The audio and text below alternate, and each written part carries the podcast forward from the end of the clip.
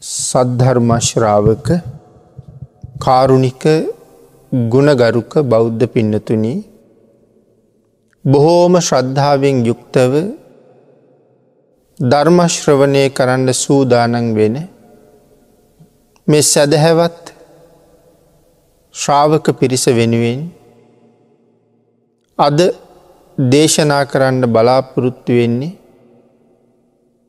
මජ්ජිම නිකායේ මූල පන්නාසකෙහි සඳහන් වන විතක්ක සන්ටාන කියන සූත්‍ර දේශනාවෙන් කරුණු ටික. පිනතින අපේ බුදුරජාණන් වහන්සේ මේ උතුම් සූත්‍රය දේශනා කොට වදාලි විශේෂයෙන් මේ භාවනානු යෝගී භික්‍ෂූන් වහන්සේලාට. ඒවගේම භාවනාව ප්‍රගුණ කරන්න බලාපොරොත්තු වෙන හැම කෙනෙකුටම ඉතාමත් ප්‍රයෝජනවත් සූත්‍ර දේශනාව. භාවනා අරමුණ දියුණු කරන වෙලාවේ සිතට නැගෙන අකුසල චෛතසික ධර්මයන් ප්‍රහාණය කරගන්නේ කොහොමද ඒ සඳහා අනුගමනය කළ යුතු ක්‍රමවේද මොනවද කියන කාරණාව විශේෂයෙන් මේ සූත්‍රයේ පුරාවට පැහැදිලි කරනවා. එනිසා බොහෝ දෙනාට එදිනෙදා භාවනා කටයුතු සම්බන්ධයෙන් තියෙන බොහොමයක් ගැටලුවලට විසඳුම් මේ සූත්‍රයේ තුළින් හමු වෙයි කියලා බලාපොරොත්තුවෙන් තමයි මේ දේශනාව සිදු කරන්න කල්පනා කළේ. පිනතින අපේ බුදුරජාණන් වහන්සේ සූත්‍ර දේශනාව ආරම්භ කලා මේ විදිහට අධිචිත්ත මනුයුක්තේන භික්කවේ භික්කුණා පංච නිමිත්තානි කාලේන කාලන් මනසිකා තබ්බානි කතමානි පංචංච. දේශනා කළා විශේෂයෙන් මේ සූත්‍ර දේශනාවෙන් භාවනාව වඩන භික්‍ෂුවට කාලෙන් කාලිට පහළ වෙන අකුසල චෛතසික ධර්මයන් යටපත් කර ගැනීම සඳහා. දුරස් කර ගැනීම සඳහා මෙන්න මේ නිමිති පහ මෙනෙහි කළ යුතුයි කියලා. විතක්ක සන්ටහාන කෙලකීවේ එකයි. එහෙමනම් අකුසල චෛස්්‍යකයන් යටපත් කරන්න නිමිති පහක් මේ සූත්‍ර දේශනාව තුළ පැහැදිලි කරලා තියෙනවා. අපි ක්‍රමාණුකූලව සූත්‍රයත් අට්ට කතාවත් එකතු කරගෙන මේ සූත්‍ර දේශනාව සාකච්ඡා කරමු නිමිති පහ විශේෂයෙන් විස්තර කරමි. යම් භික්‍ෂුවකට යම් නිමිත්තක් මෙනෙහි කරද්දි රාගය දවේශය මෝහය කියන මේ පෞකාර අකුසල ධර්ම මෙනෙහි වෙනවනං ඒ භික්‍ෂුව විසින් මෙනෙහි කරන නිමිත්තෙන් බැහැරව කුසලය සහිත වෙන නිමිත්තක් මෙනෙහි කළ යුතුයි කියලා පැහැදිලි කරනවා. තේන භික්කවේ භික්වුණා තම්හා නිමිනිතා අඥ්ඥන් නිමිනිතන් මනසිකා තබතා කුසලූප සංසතන් ඉන්නතුනී අපේ අට්ට කතාවේ වෙනම මේ ගැන විස්තර කරලා තියෙනවා එම විතර්කය චන්දය සහිතද පිනතින විතන චන්දය සහිතද කෙලකි රාගය සහිතද කියන කාරණාව. චන්දය කියලකීවෙත් රාගය කියලකීවෙත් එකම කාරණාවක් සඳහා. දවේශය සහිතද මෝහය සහිතද. ඒයට පිළියම් වශයෙන් මේ විදිහට මෙනෙහි කරන්න කියල කියනවා. කොයි විදිහට මෙනෙහි කරන්නද අපි ඒ කාරණාව ඉදිරියට සාකච්ඡා කරමු ඒ විතක්ක සන්තාන නිමිති පහ ගැනයි සඳහන් කරන්නේ. එහෙම මෙනෙහි කරහම එම නිමිති ප්‍රහාණය වෙනවා කියල සඳහන් කරනවා. අකුසල චෛතසකයන් ප්‍රහාණය වෙනවා කියල සඳහන් කරනවා. ඒ අකුසල චෛතසකයන් ප්‍රහාණය වනහම තේසං පහනාය අජ්‍යත්තමේව චිත්තං සන්තිට්ටති. පින්නතුන ඒ නිමිති ප්‍රහාණය වනහම අභ්‍යන්තරයේ සිත හිටගන්නවා. පිනතින් තිට්ටති කියල කියන්නේ හිටගන්නවා. නමුත් මෙතන සඳහන් කළේ අජ්‍යත්ත මේව චිත්තං සන්තිට්ටති කියලා. සන්තිට්ටති කියල කියන්නේ මනාව හිටගන්නවා කියන එකයි. සං නිසේදති මනාකොට ඉඳගන්නවා. ඒකෝදිහෝති මනාකොට සිත එකඟ වෙනවා එහෙම නැත්තං සමාධීකට පත්වෙනවා. ඒක විස්තර කරනවා පින්නතුනි උදාහරණයකින් රලු ලීයකට ඇනයක් ගහල තියෙනවා. පිනතින ඒ රලු ලීයට ගහලා තියෙන ලොකු ඇනය ගලවණ්ඩ අවශ්‍යයි. ඒ නිසා කුඩා ඇනයක් අරගෙන ලොකු ඇනේ වටේටම තට්ටු කර කර තට්ටු කර කර ලොකු ඇනේ ටික ටික ඔසවනවා. බුරුල් කරනවා. යම් අවස්ථාවක හොඳටම උඩට ඇවිල්ල දැන් බුරුල් වෙලා තියෙනවා කියලා දැනුන හම අතින් ඇදල අහකට දානවා. ආන්ගේ උදාහරණය හැටියට තමයි මේ ධර්මකාරණාව හිතන්ඩ කියලා දේශනා කරලා තියෙන්නේ. පින්නතුන මේ ගැන අට්ට කතාවේ කියල තියෙන ආකාරයේ කොහොමද කියල බැලුවොත්. මෙතන අධිචිත්ත මනයුත්තේන කියල කියන්නේ සඳහන් කරනවා උපන්න සිත තමයි මෙතන චිත්ත කියල කියන්නේ. එතන උපන්න සිත කියල කියහම දස කුසල කර්මපතයන්හි උපන්න සිත. දස අකුසලයෙන් වැලකිලා දස කුසල ධර්මයන් හීම හැසිරෙනවා.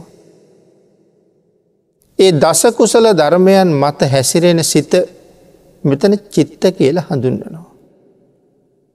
නමුත් අධිචිත්ත මනුයුත්තේන කියල සඳහන් කරහම සඳහන් කරනවා දස කුසල ධර්මයන්හි හැසිරෙන හිතට වඩා විපස්සනා පාදක අට්ට සමාපත්ති චිත්තයක් තියෙනවනං අන්න ඒ චිත්තයට තමයි මේ අධිචිත්ත කියල කියන්නේ.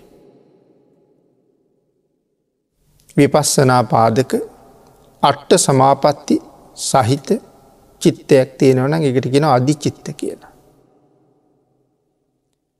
පිනතින මෙතන පැහැදිලි කරලා තියෙනවා යම් භික්‍ෂුවක් පින්ඩ පාතය සඳහා වැඩම කරලා පිඩු සිංගාගෙන දං වලඳලා දත් මැදලා මොකය පිරිසිදු කරගෙන නිසීදනයත් අරගෙන එක්තරා රුක්ෂමූලයකට වන ලැහැබකට හෝ පරුවත පාදයකට එහෙම ඇත්තන් ගල්ගුහාාවකට ශ්‍රමණ ධර්මය කරන්නෙමී කියල නික්මෙනවා. ආන්ගේ නික්මෙන වෙලාවෙත් එතන ඉඳල සුදුසු තැනකට ගමන් කරලා ඒ සුදුසු තැන පිරිසිදු කරගන්න වෙලාවෙත් අධිචිත්ත මනුයුක්ත කියලම කියන්න පුළුවන් කියලා සඳහන් කරනවා. මොකද පින්නතුන භාවනා කරන අදහසින් තමයි යන්නේ. ඒ නිසා අධිචිත්තයි කියල කියනවා. තමන් වාඩි වෙන තැන පිරිසිදු කරලා නැවත අතපයත් පිරිසිදු කරගෙන පළඟක් බැඳගෙන වැඩඉන්න වෙලාවෙත් ඉන්න අධිචිත්තයෙන් මයි කියලා කියන්ට පුළුවන් කියලා අට්ට කතාව සඳහන් කරනවා. ඊළඟට තමන්ගේ කර්මස්ථානයේ මෙනෙහි කරද්දී. වැඩඉන්නෙත් අධිචිත්තයෙන් මයි කියල සඳහන් කරනවා. කර්මස්ථානයේ මෙනෙහි කරද්දිත් වැඩඉන්නේ අධිචිත්තයෙන් මයි. ඊළඟට සඳහන් කරනවා පින්ඩපාතය වළඳලා මෙතනින් පස්සේ නැවත අද වළඳන්නේ නෑ කියලා භාවනාව සම්පූර්ණ කරමී කියලා ගමන් කරන්න පටන්ගත්ත වෙලාවේ ඉඳලම අධිචිත්තයෙන් යුක්තයි කියල කියන්න පුළුවන්. කියන එකයි මෙතන මේ පැහැදිලි කරන්න කියලා සඳහන් කරනවා. අන්න ඒ භික්‍ෂුවට තමයි පින්නතුන කාලෙන් කාලෙට විතර්ක පහක් පහළ වෙනවා කියල සඳහන් කරන්න. මේ අධිචිත්තයෙහි හැසිරෙන භික්‍ෂුවට කාලෙන් කාලෙට විතර්ක පහක් පහළ වෙනවා. ඒ පහළ වෙන විතර්ක පහ අකුසල සහිතයි. ආන්ගේ අකුසල් සහිත නිමිති පහළ වනහම මේ විතක්ක සන්ටාන නිමිති පහ මෙනෙහි කරන්න කියල කියනවා.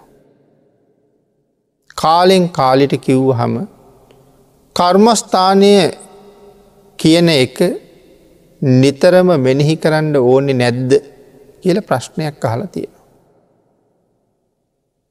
පිනතින එහෙම සඳහන් කළේ මේ අධි චිත්තයක් තියෙන භික්‍ෂුව මේ නිමිති පහ බලන්න ඕනෙ කියන්නේ කර්මස්ථානයෙන් අහකට එන්න ඕන කියන එකද. මේ කාරණාව විස්තර කර ගැනීම සඳහා අහනවා. අධි චිත්තයක් තියෙන භික්‍ෂුව මේ නිමිති පහ බලන්ඩ ඕන කාලෙන් කාලිට මේ නිමිති පහ බලන්ඩ ඕන කියල කියන්නේ. කර්මස්ථානයෙන් අහකට එන්ඩෝ නැද ඒ නිමිති පහ බලන්ඩ කියලා හනවා. ඒ කරුණ ඊට පස්සේ විස්තර කරලා තියෙනවා පාලියෙහි කර්මස්ථාන තිස් අටකට බෙදල තියෙනවා. සමත කර්මස්ථාන සමත කර්මස්ථාන තිස් අටක් තියෙනවා. නමුත් අපි පිනතුන්ට අහල පුරුදු ඇති. විශුද්ධි මාර්ගයේ එහෙම සම සතලිස් කර්මස්ථාන ගැන කර්මස්ථාන හතලිහක් පිළිබඳව පැහැදිලි කරනවා සමත කර්මස්ථාන. මෙතන සඳහන් කරනවා එහෙම සඳහන් කළත් වරදක් නෑ කියලා. නමුත් මේ සූත්‍රයේ මෙතන සඳහන් කරලා තියෙන්නේ කරුණු තිස් අටක් කියන කාරණාව. ඒ නිසයි එහෙම සඳහන් කරන්නට යෙදනේ එයින් තමන්ට කැමති කර්මස්ථානයක් අරගෙන ගිහිල්ලා ඒ කර්මස්ථානයේ මෙනෙහි කරනකොට කෙලෙස් උපක්කිලේස ඇතිවෙන්නේ නැත්තං මේ නිමිති පහ අවශ්‍යනය කියල සඳහන් කරනවා. පිනතුන තමන් භාවනාවට යොදාගත්ත කර්මස්ථානය අරගෙන භාවනාවට වාඩි වෙලා භාවනාවේ යෙදෙන වෙලාවේ මෙන්න මේ අකුසල චෛතසිකයන් හිතට එන්නේ නැත්තං මේ විතක්ක සන්ටාන සූත්‍රයේ සඳහන් කරන නිමිති පහ මෙනෙහි කරන්න අවශ්‍යතාවයක් නෑ. මේ නිමිති පහ භාග්‍යතුන් වහස දේශනා කරලා තියෙන්නේ යම් අකුසල විතර්කයක් හිතට එළඹු නොත් ඒ අකුසල විතර්කයෙන් ගැලවීම සඳහා ඉවත්වීම සඳහා ක්‍රමාණුකූලව මේ නිමිති පහ මෙනෙහි කරන්න කියලා. පළවෙනි ක්‍රමය මෙනෙහි කිරීමෙන් අකුසලයෙන් මිදෙන්ට බැරිනං දෙවැනි ක්‍රමය මෙනෙහි කරනවා. දෙවැනි ක්‍රමයනුත් අකුසලයෙන් මිදෙන්ට බැරිනං තුන්වෙනි ක්‍රමය මෙනෙහි කරනවා. තුන්වෙනි ක්‍රමයනුත් මිදෙන්ට බැරිනං හතරවෙනි ක්‍රමයට යනවා. හතරවෙනි ක්‍රමයටත් බැරිවුණොත් අවසාන ක්‍රමයෙන් ඒ අකුසල නිමිත්ත ප්‍රහාණය කරලා දාන්න කියල සඳහන් කරනවා. නමුත් එහෙම අකුසල නිමිත්තක් හිතට ආවෙ නැත්තං මේ නිමිති පහ ගැන හිතන්ඩ අවශ්‍ය නෑ මෙනෙහි කරන්න අවශ්‍ය නෑ කියන කාරණාව ඉතාම පැහැදිලිව දේශනා කරලා තියෙනවා. නමුත් යම් වෙලාවක සිත සමාධිගත නොවී පෞකාර කෙලෙස් පහළ වෙනව නං විතරක් චන්දය දේශය මෝහය කිය අකුසල් ගැන මේ සඳහන් කරන්නේ. අන්න ඒ වෙලාවට තමයි මේ විතක්ක සන්ටාන නිමිති පහ මෙනෙහි කරන්න ඕනෙ කියන කාරණාව සිහිපත් කරනවා. ඊළඟට පින්නතුන මෙතන මේ චන්දූප සංහිතානි කියලා වචනයක් සඳහන් කරලා තියෙන. ඒ කියන්නේ චන්දය සහිත රාග සම්ප්‍රයුක්ත සිත් කියන කාරණාවයි චන්දූප සංහිතානි කියල සඳහන් කරන්න. පිනතින මේ විතර්ක තුනේ ශේෂත්‍රයයි අරමුණයි විශේෂයෙන් දැනගෙන තියෙන්ට ඕනේ. මොන විතර්ක තුනේද රාගයයි දවේශයයි මෝහයයි.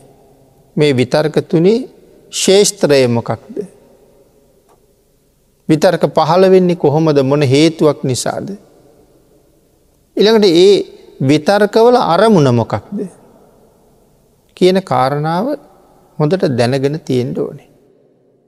එතකොට ඒ කාරණාව විස්තර කරනවා. චන්දය සහිත ලෝභ සහගත සිත් අටක් තියෙනවා කියලා. තන් රාග සහිත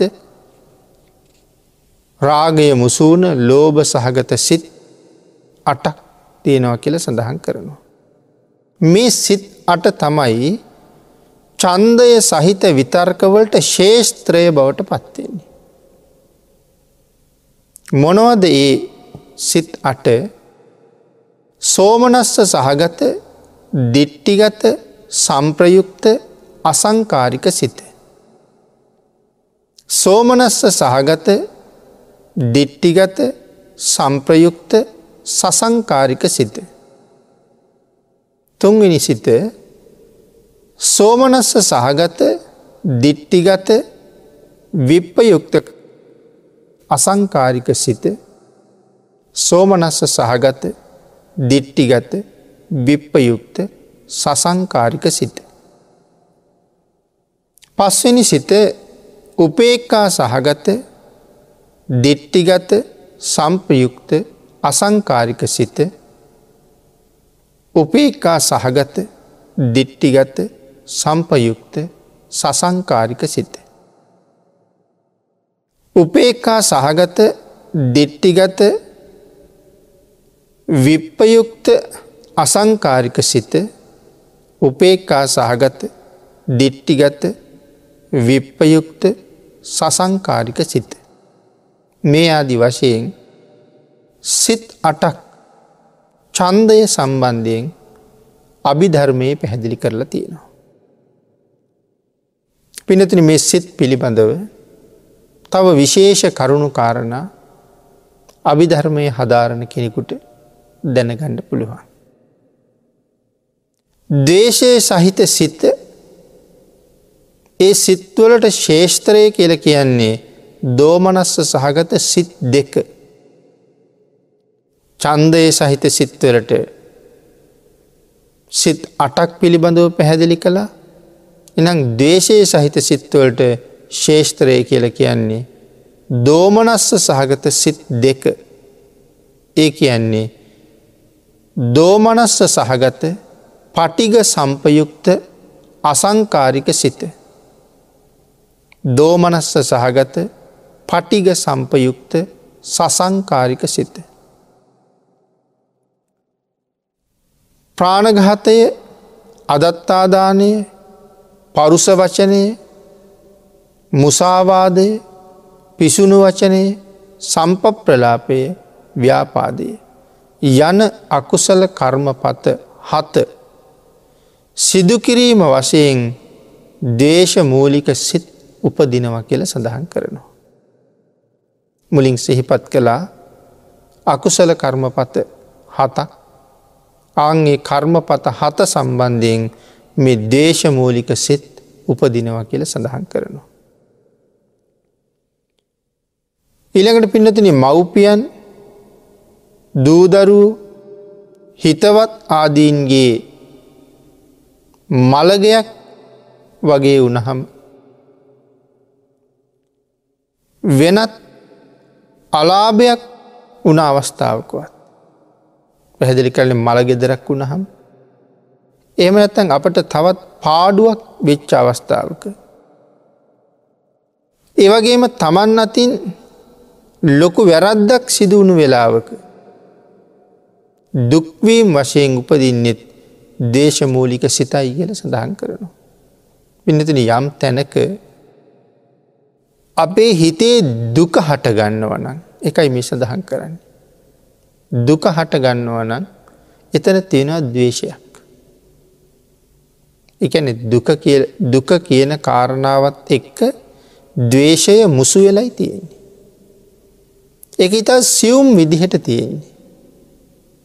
මෙතන දවේශයක් තියෙනවා කියලා අපිට එතරම් කල්පනාවක් නෑ හිත දියුණු නැති නිසා. අපිට දැන්නේ දුක නිසා අඩනවා කියලා. දුක නිසා වැලපෙනවා කියලා. දුක නිසාම කල්පනා කරනවා කියලා. ඒ යට දේශයක් තියෙන නිසයි මෙතන සඳහන් කරලා තින දුක්වීම් වශයෙන් උපදින්නේ දේශමූලික සිතමයි කියලා. ඊළඟට පිනදේ තමන්ට වඩා හොඳට ආහාර අනුභව කරන අඳින පළඳින රතවාහන භාවිතා කරන පාවිච්චි කරන හොඳ ගෙවල් දොරවල් වල වාසය කරන ගරු බුහුමන් ලබන අය දැක්කහම ඊරිසියා සහගත දේශමූලික සිත ඇති වෙනවා. ඊරිසියාවක් ඇති වෙනවා. අන්‍යන්ගේ සැපය අන්‍යන්ගේ සතුට ගැන දැකල සතුටු වෙන අය ලෝකෙ හුඟ අඩුයි. ඊරිසියාව මුල් කරගත්ත දේශසිතක් තමයි ඇතිවෙන්නේ. නිතරම අනුන්ගේ අගුණ කියමින් අගුණ සිතමින් ඉන්න අයට එක දිනකට බොහෝ වාර්ගාන දේශ සිත්තුපදිනවා. සමහරාය අනුන්ගේ ගුණයක් දකින්න කැමැත්තක්මනේ. කොයි තරං හොඳට ජීවත්වෙන පුද්ගලයෙක්ගේ නමුත් ඉතා සුළු අඩුපාඩුව තමයි කතා කරන්න ලෑස්තිවෙන්නේ. ගුණ දාහක් විතර තියෙනවා. වැරදි එක දෙකක් තියෙනවා.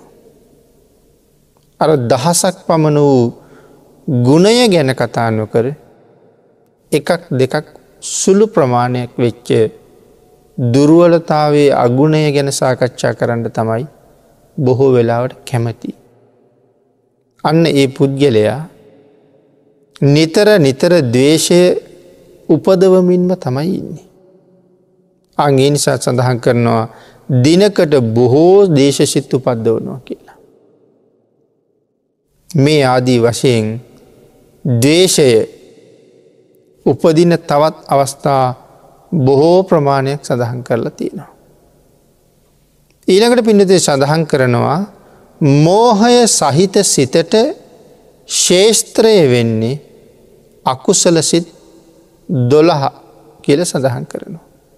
මෝහය උපදින අකුසල් සිත් දොළහක් පිළිබඳව අභිධර්මය සඳහන් කරනවා. ඒ අකුසල් සිත් දොළහ ගැනයි මෙතන සිහිපත් කරන්නේ.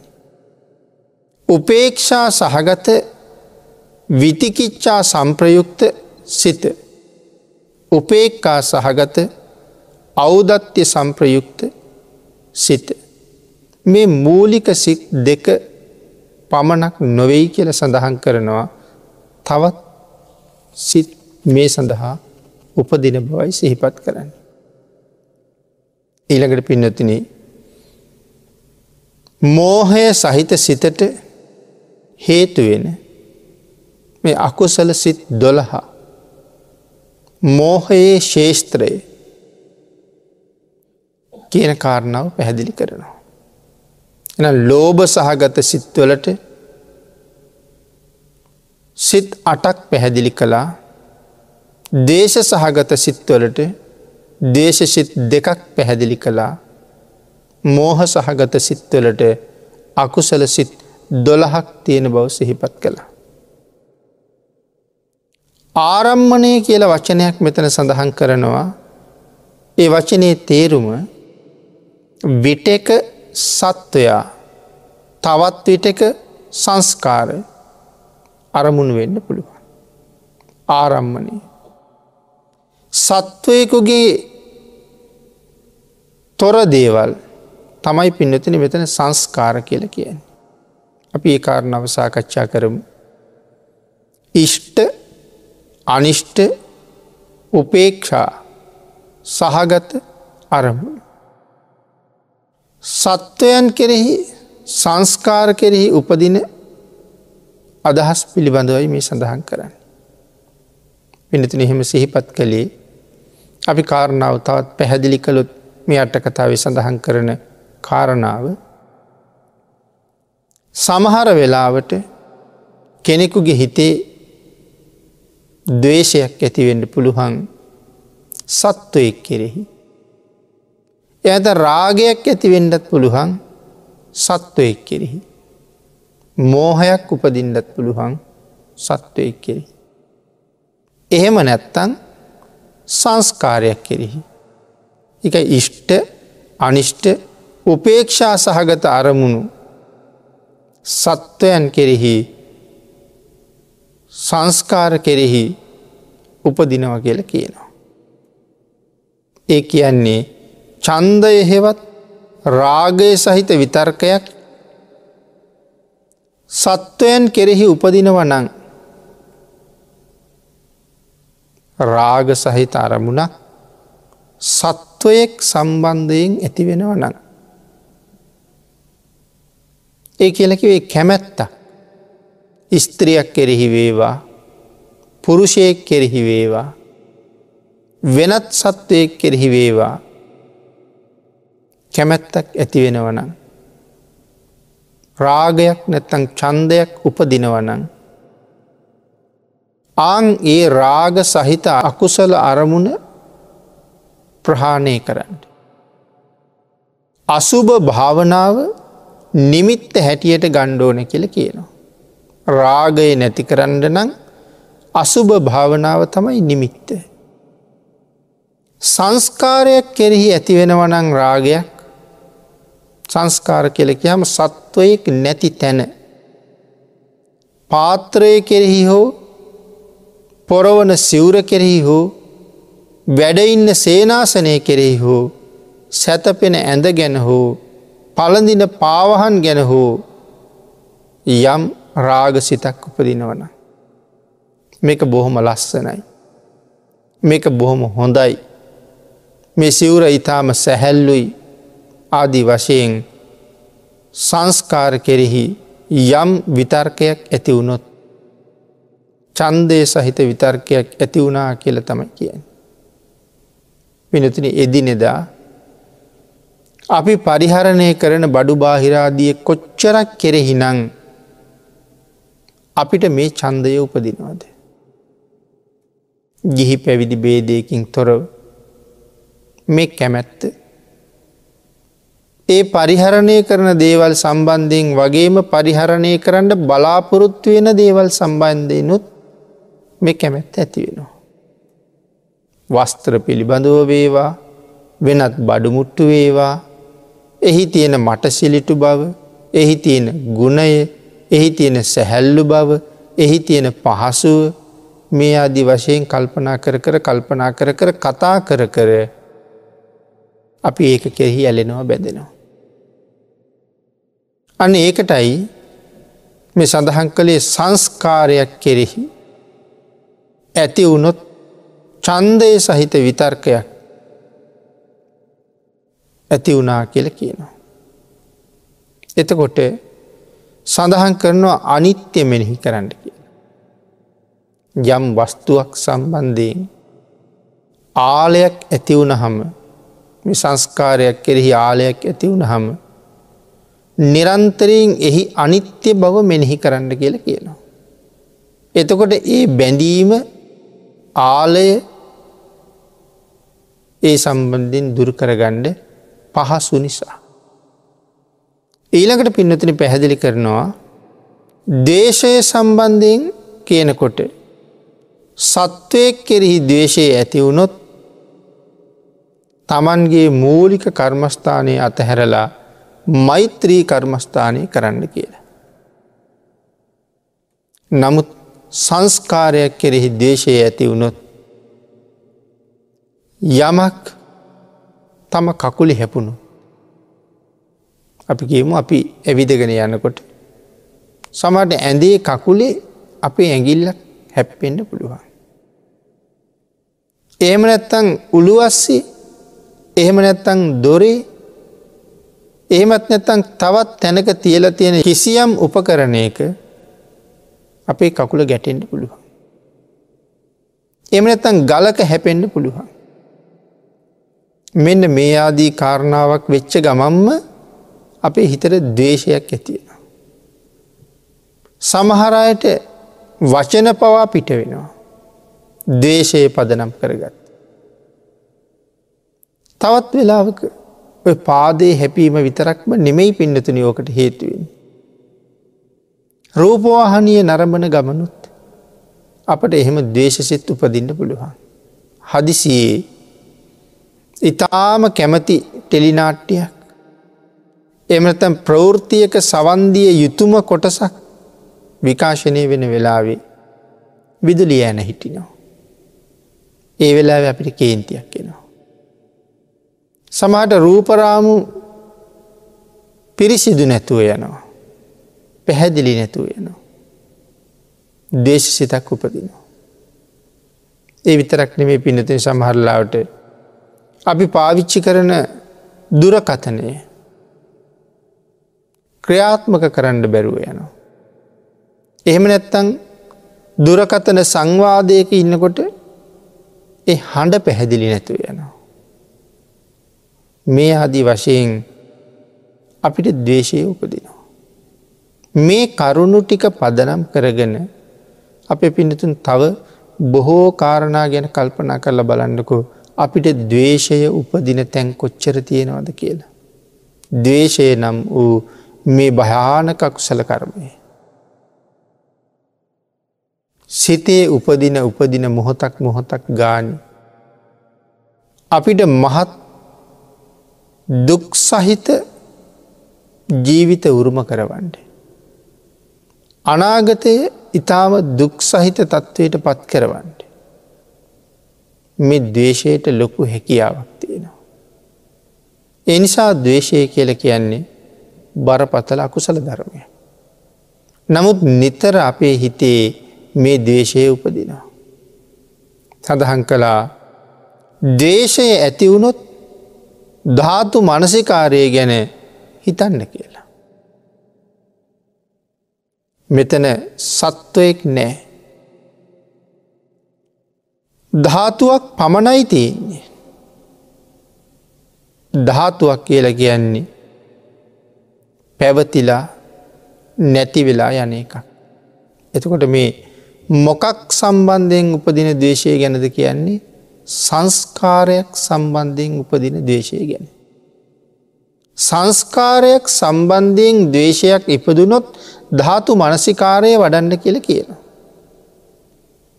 නමුත් සත්වයක් කෙරෙහි දේශය ඉපදුනොත් මෛත්‍රී කර්මස්ථානය වඩන්න කියන කාරණාව අපි මුලින් සිහිපත් කරන්න යෙදෙන. ඉළඟට පිඩතන මේ සංස්කාරයක් කෙරෙහි ඇතිවෙන දේශය ගැන සිහිපත් කරන්න කියනවා. ස්තීර නැති එකක් මේ වස්තුව ස්තීර නැති එකක්. නිරන්තරයෙන් අනිත්‍ය ස්වභාවයට ගමන් කරන දෙයක්. දේශය නැති කරගණ්ඩ ඕනේ මේ ස්තීර නැති අනිත්‍ය කරා මොහොතින් මොහොත ගමන් කරන වස්තුවක් සම්බන්ධයෙන් දවේශයක් මගේ හිතේ ඇති කරගෙන මමගේ සසරගත ජීවිතය බොහෝ අනතුරට දාගන්න. අනතුරක හෙලෙනවා. ඒ කාරණාව සිහියෙන් කල්පනා කරලා. මේ ඇතිවෙන දේශසිත යටපත් කරගන්නට. කියල සඳහන් කරනවා. ඊළඟට කියනවා මෝහය ඇතිවුණ හම ධර්මතා පහක යෙදෙන්ඩ ඕන කියලා. උපදින මෝහය නැති කරගණ්ඩ ධර්මතා පහක් පාවිච්චි කරන්න කියල සඳහන් කරනවා. පිනතින ඒ කාරණාව නැවත විස්තර කරනවා මොහුගේ හෝ ඇයගේ හෝ අතපය නියපොතු කෙස් ලොම් මුහුණ ආදිය ලස්සනයි කියලා හිතුනොත් එහිම අසුභය මෙනෙහි කරන්න කියලා. පිළිතිරි මෝහය අපි යම් පුද්ගලයෙක් දිහා බලල ස්ත්‍රියක් වේවා පුරුෂයෙක් වේවා. ඒ අයගේ රුවගුණ ගැන කතා කරනවා. තවත් කෙනෙක් තවත් කෙනෙක් සමග තමන්ගේ හිත ඇදිල බැඳිල ගියපු කෙනාගේ රුවගුණ විස්තර කරනවා. කෙස්වලට කැමති දත්වලට කැමති ඇස්වලට කැමති නියපතුවලට කැමති ඒව පිහිටලා තියෙන ආකාරය පිළිබඳව. එව්වගේ පෙනුමේ ස්වභාවය පිළිබඳව විස්තර කර කර විස්තර කර කර මේ දේවල් සම්බන්ධයෙන් බැඳෙනවා.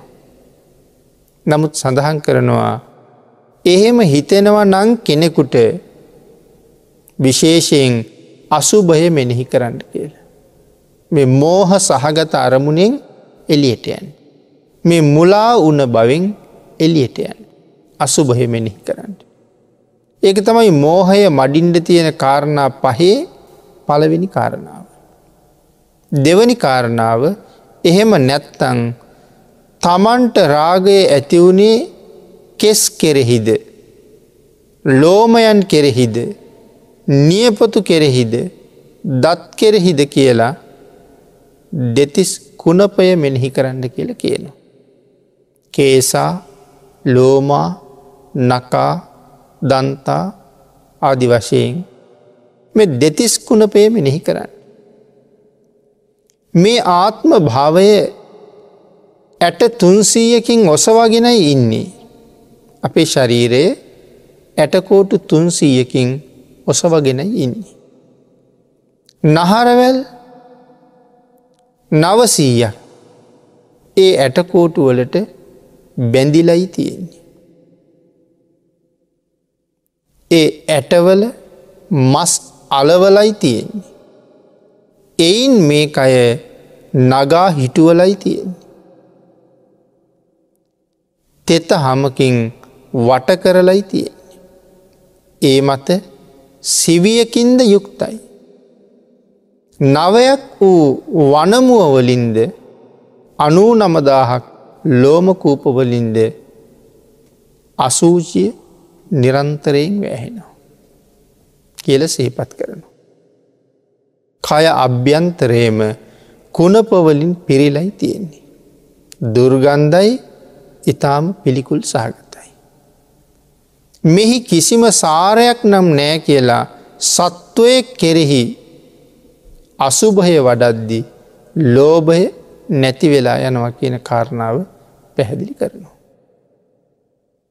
පිනතින ඒ කාරණාව ඒ විදිහට අපූරුවට විස්තර කරනවා ඇටකෝටු තුන්සීය නහරවැල් නවසීය සහිතව මේ ආත්ම භාවය නැගිට්ටවල තියෙනවා. අනූ නමදාහක් ලෝමකූපවලින් අසුච්චිය වැෑහෙනවා. ශරීරයේ ලෝමකූප අනූ නමදාහක් තියෙනව කියල සඳහන් කරනවා. හැම රෝම ගහක් ගාවිම්ම ශරීර අභ්‍යන්තර අපද්‍රව්‍ය පිට වෙනවා. එකයි අසුචිය වෑහෙනවා කියලකිව. මේ කය අභ්‍යන්තරයේ කුණපවලින් පිරිලයි තියෙන්නේ දුර්ගන්ධයි ඉතාම පිළිකුල් සහගත. පිනතින ශරීරය අභ්‍යන්තරය විවිධාකාර අපද්‍රව්‍යවලින් පිරිලා.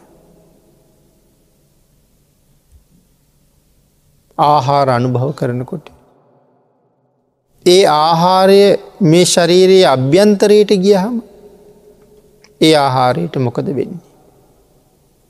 ඒ ආහාරයට මොන තත්ත්වයට පත්තෙන්ට සිද්ධ වනාද ශරීරයේ තුළට ගමන් කරපු නිසා. අපි අනුභව කරන්න කලින් බොහෝම සුවඳයි. අනුභව කිරීමේ තන්හාාව ඇති කරවනවා ඒ සුවඳ. නමුත් කටට දාලා දෙතුම් පාරක් හපහම පිනතිනේ අපවිත්‍ර තත්ත්වයට පිළිකුල් තත්ත්වයට පත්වෙනවා. ආහාර මාර්ගයේ දිගේ ඇතුළට ගමන් කරහම ආමාශයට ගිහිල්ල පැසුණු නොපැසුණු ආහාරත් එක එකට මිශ්‍ර වෙනවා. මිශ්‍ර වෙලා මේකත් පැහෙනවා. එහෙම පැහුණ ආහාර අන්ත්‍ර ඔස්සේ ගමන් කරලා. අන්තිමට මහාන්ත්‍රයේ අග කෙරවලි අඟල් දහයක් පමණ ප්‍රමාණයක එකතුවෙන්ට පටන්ගන්න. පිරෙනකං එතන එකතුවවී එකතුවවී තියෙනවා. පිරුණට පස්සේ බහිශ්‍රාවය කිරීමේ අවශ්‍යතාවය ඇතිවෙනවා. සමහර වෙලාවට පෑ විසි හතරක් විතර මේ මෙතෙන්ට වෙලා ආහාර රැස් වෙලා තියෙනවා. සමහරයගේ ඊටත් වඩා තියෙනවා. සමහරයට බහිශ්‍රාවී අපහසුතා නිසා දවස් දෙක තුන තියෙනවා. පරම දුර්ගන්ධ තත්ත්වයට පත්වෙනවා. අන්නේ ආහාරයේ යම් මොහොතක අපි බහිශ්‍රාවය කරන තුරුම ඔසවගෙන ඉන්නවා. එය ඔසවගෙනම අපි හැම තැනම යනවා. මල කියල කියන අපි එකට. මුත්‍ර කියලත් කියනවා. ඒයට නෙමෙයි මලත් තියෙනවා ශරීරයේ තව පැත්තක මුත්‍රත් තියෙනවා. එතට වැසිකිලි කැසිකිලි කියල අපි කියනවා මල පහ කරන තැනට වැසිකිලිය කියල කියනවා මූත්‍රා බැහැර කරන තැන්ට කැසිකිලිය කියල කියනවා. එතකොට වැසිකිලී වලක එකතු වෙනවා මලපා. මුත්‍රාත් බැහැර කරන තැන්වල එකතු වෙනවා. නමුත් පුද්ගලයා යම් තැනක ඇවිදිනව කියල කියන්නේ මලත් අරගෙන මුත්‍රාත් අරගෙන තමයි යන්නේ. හරියට නිකන් ඇවිදින වෙසි කෙලියක් වගේ. ශරීර අභ්‍යන්තරයේ තව මේ බඩවැල් වකු ගඩ්ඩු මේ අක්මාව පිත්තාසේ ලේ සෙම සැරව නොයෙක් දේවල් වලින් පිරිලා. මේ එකක්වත් බාහිරට ගත්තොත් අත්ලට ගණ්ඩ තරන් ප්‍රිය මනාප බවක් නැති දේවල්. ඉතාම අප්‍රසන්නයි දැක්කාම. පිළිකුල් සහගතයි. එහෙම දේවල් වලින් මේ කය පිරිලති. හරියට නිකං අසූචි පුරුවපු කලගෙඩියක් වගේ. මේ හමට ඇතුළෙන් යමක් තියෙනවද එක් කිසි දේකට පින්නතුන අපි කැමති නෑ. හම කියලකීවත් මහ ලොකු අඟල් භාගයක් අගල් කාලක් ඒ ප්‍රමාණයක්වත් අපේ හම නෑ. යන්තන් නූලක් කමාරක් පමණ තියෙන හම එයින් අභ්‍යන්තරයේ තියෙන කිසිම දේකට අපේ කැමැත්තක් නන්නේ. නමුත් මේ ඇටකෝටු තුන්සීයකින් නගාහිටෝලා තියෙන ශරීරය නහරවැල් නවසීයකින් ඇටවලට බැඳිල තියෙන මේ ශරීරය තෙත සහිත අමු හමකින් වහල තියෙන. මේ පිට පැත්ති තියෙන හමදිහා බලාගෙන සුබයි සැපයි කියලපි කතා කරනවා. අභ්‍යන්තරේ නං සුබයි කියන්ට සැපයි කියන්ට කිසි දෙයක් තිබුණනේ. මෝහය ආං එහෙම මේ ශරීරය ගැන හිතල හිතල හිතල. ඇතිවෙන්ඩ තියෙන මෝහය. ඇති වෙලා තියෙන මෝහය මේ කයට තියෙන රැවටීම නැතිකර ගණ්ඩ උත්සාහ කරන්න කියලා සේපත් කරනවා. එමන පිඩතන විතක්ක සන්ටාන සූත්‍ර දේශනාව ඇසුරු කරගෙන සිදු කරෙන පළවෙනි ධර්ම දේශනාව අපි මේ විදියට නිමා කරන්න සූදානන් වෙන්නේ සූත්‍රයත් අට්ටකතාවත් දෙකම සම්බන්ධ කරගෙන මේ දේශනාව සිදු කරන නිසා සමහර ධර්මකාරණා එක වරක් ඇහුවහම වැටහෙන්නේ නැතිවෙන්නත් පුළුවන්. නමුත් දෙතුන් වතාව දේශනාව ශ්‍රවණය කරනකොට ඔබට ඒ කාරණාව හොඳට තේරුම් ගණඩ පුළුවන් වෙයි කියලා හිතනවා.